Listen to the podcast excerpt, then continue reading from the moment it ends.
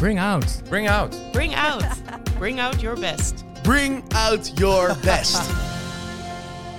Hoe kun je jouw relaties verbeteren? En dan bedoel ik individuele relaties of jouw relaties in teamverband. Dit is een nieuwe Bring Out Your Best, de Broud podcast. Ik ben Koos. En ik ben Tom. Ja, Tom, we gaan in deze aflevering praten over het fascinerende concept van het Johari-venster. Dit venster, en ik heb het even gegoogeld en van de Broud-website gehaald hoor. Goed dat biedt een uniek inzicht in jouw zelfbewustzijn en je interpersoonlijke relaties. En het kan een krachtig instrument zijn voor persoonlijke ontwikkeling. Nou, daar word ik nu al blij van als ik dit dat hoor. is toch heel lekker. En het komt uit 1955, dus het bestaat al 80 jaar. Oké, Ja. wat is precies dat Johari-venster? Ja, het Johari-venster, allereerst de afkorting komt van de twee mannen die hem eh, hebben ontdekt of ontworpen of die erachter gekomen zijn. Dat is eh, Joseph Luft, oftewel Jo. En dan hebben we Harrington of Harry Ingham en dat is de Hari. Dus dan heb je Jo Hari. Nou, echt fantastische naam. Dan weten we dat maar Ja. alvast. Oké, Ja, maar. Ja. voordat mensen afdwalen en denken... oh, een venster en al die mannen, dat ken ik allemaal niet en eh, I don't care.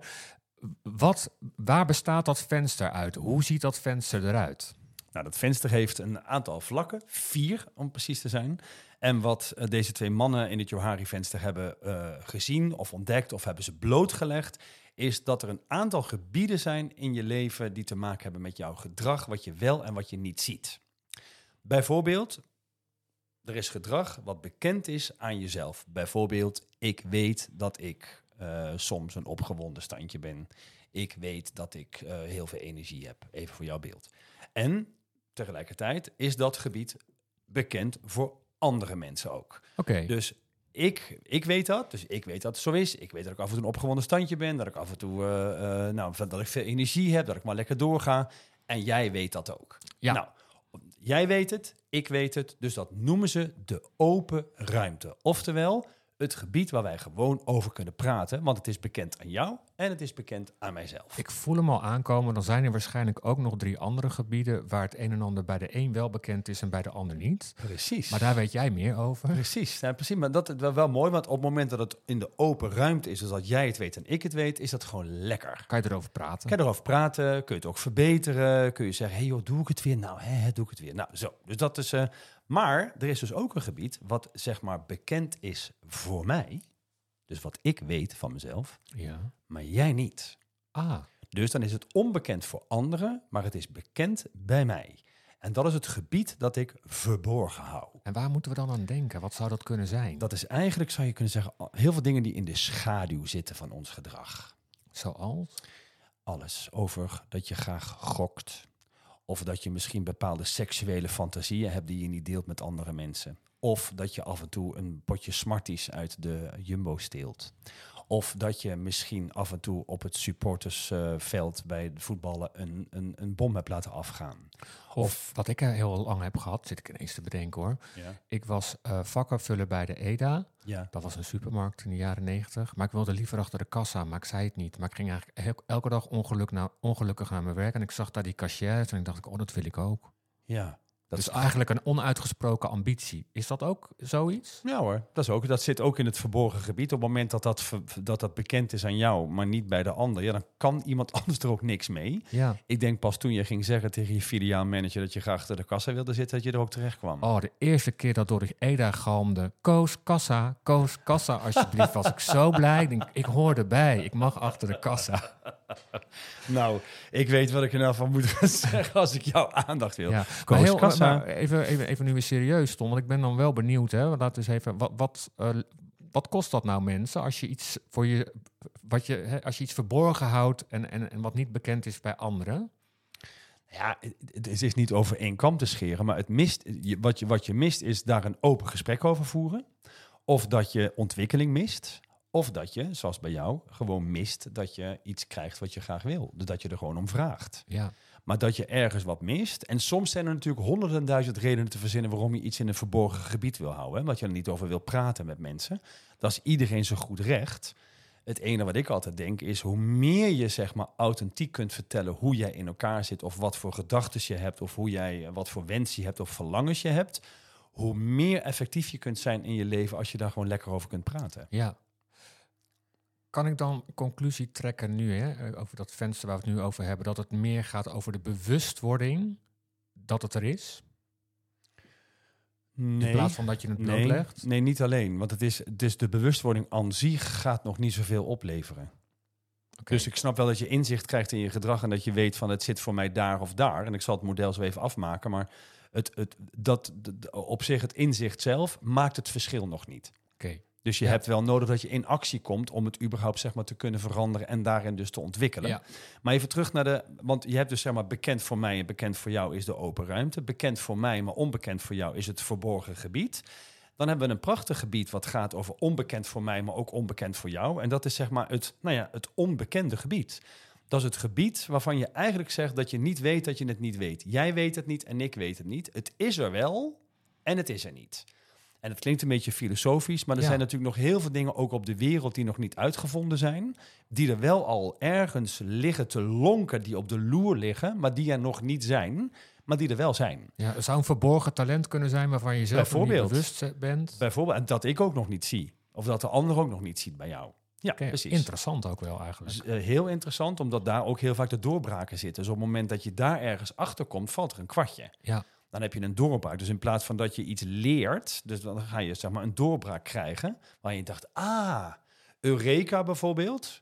Dus van dat, ehm, eh, hoe heet hij ook alweer? Die prachtige filosoof. Archimedes. Die zat in bad en eh, deed hij een van zijn bekendste eh, ontdekkingen. En toen riep hij Eureka en toen had hij het ineens gevonden. Dus dat zat zeg maar ineens in het, vanuit het onbekende gebied, komt het zeg maar in de open ruimte terecht.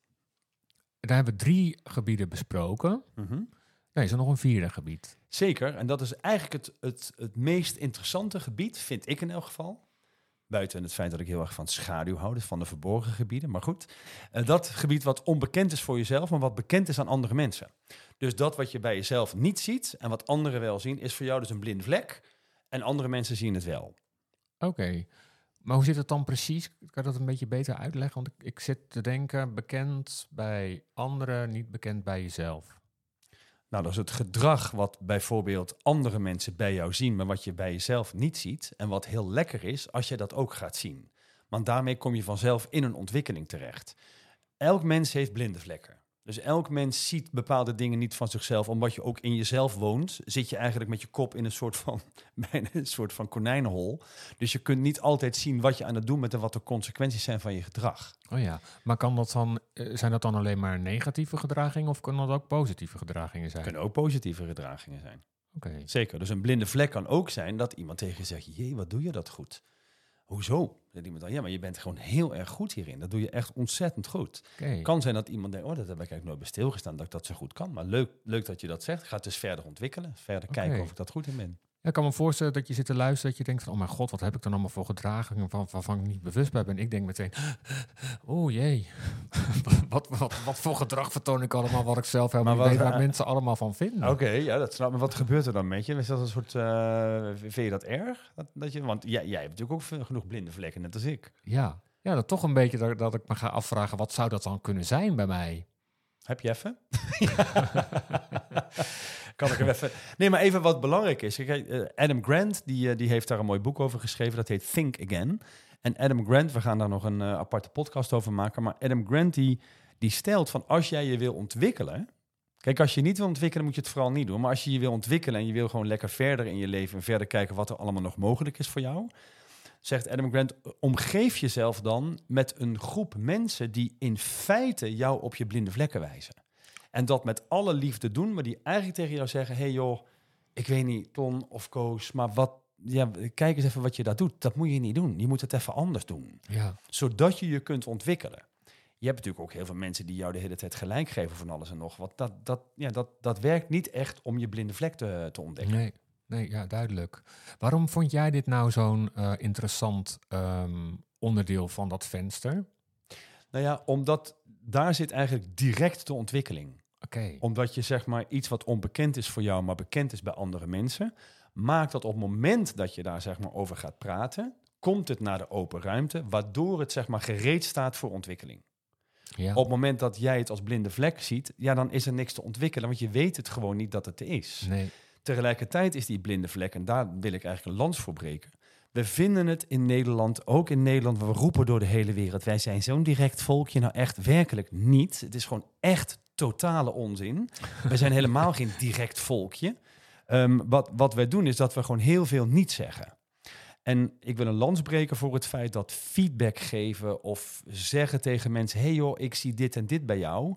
Op het moment dat het vanuit respect komt en vanuit liefde, dat wat we bij Brout en Elf en alle trainingen doen, is wel mensen bewust maken van datgene van het gedrag wat gewoon ineffectief is. Wat niet gaat over goed en fout, maar gewoon gaat over: is het nou effectief wat je doet of niet? En ben je daarop aanspreekbaar? En op het moment dat je erop aanspreekbaar bent en mensen kunnen je gewoon duidelijk maken: hé, hey, wat je nou doet, dat werkt echt voor geen meter. Dan staat het dus, zoals ik al zei, meteen klaar voor ontwikkeling en kun je aan de slag om het te ontwikkelen. Ja.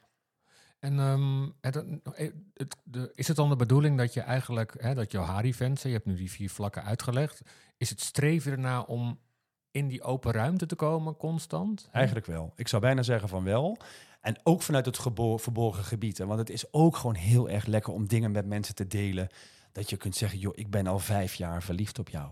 Of ik ben al vijf jaar, heb ik gewoon moeite met wat je daar aan het doen bent. Dat zit zeg maar in het verborgen gebied, wat je dus niet aan het zeggen bent. Wat er, wat er in mijn beleving gebeurt in teamontwikkeling of in relaties, hoe meer er in de open ruimte komt, dus hoe meer je zeg maar, nou ja, op authentiek niveau met elkaar kunt verbinden, hoe meer vertrouwen er komt, hoe lekkerder de samenwerking gaat. Hoe meer blinde vlekken en hoe meer verborgen gebied, hoe meer stroperig het wordt en hoe meer het gevoel krijgt dat je door een bak yoghurt moet zwemmen. Dankjewel, Tom. Alsjeblieft. Duidelijk, Johari-fans. Dus we nog heel eventjes kort die vier vlakken uh, opnoemen. Ja? Je hebt een gebied waarin jij weet welk gedrag je vertoont en anderen dat ook duidelijk aan jou kunnen zien. Klopt. De open ruimte. Open ruimte. Ja. Je voelt het ook meteen, hè? Dat is een fijn. Uh, Als je daarover praat, krijg je ook gelijk een open gevoel. Gewoon heel erg lekker. Klopt. En je hebt het gebied waarvan wel bekend is aan jou, maar niet aan anderen zijn dingen die je verborgen houdt of die je niet laat zien of die je niet, uh, nou ja, die je in elk geval weghoudt, maar die weet jij zelf wel. Ja. Dat is belangrijk. Dan heb je het gebied wat onbekend is voor jou en voor mij. Dus dat is het onbekende gebied. Dat is er nog niet, maar als daar wat gebeurt, ontstaan er doorbraken. De zogenaamde Eureka, zeg maar, Eureka-gebied. Ja. En dan de blinde vlek, oftewel onbekend aan jou, maar bekend aan iemand anders.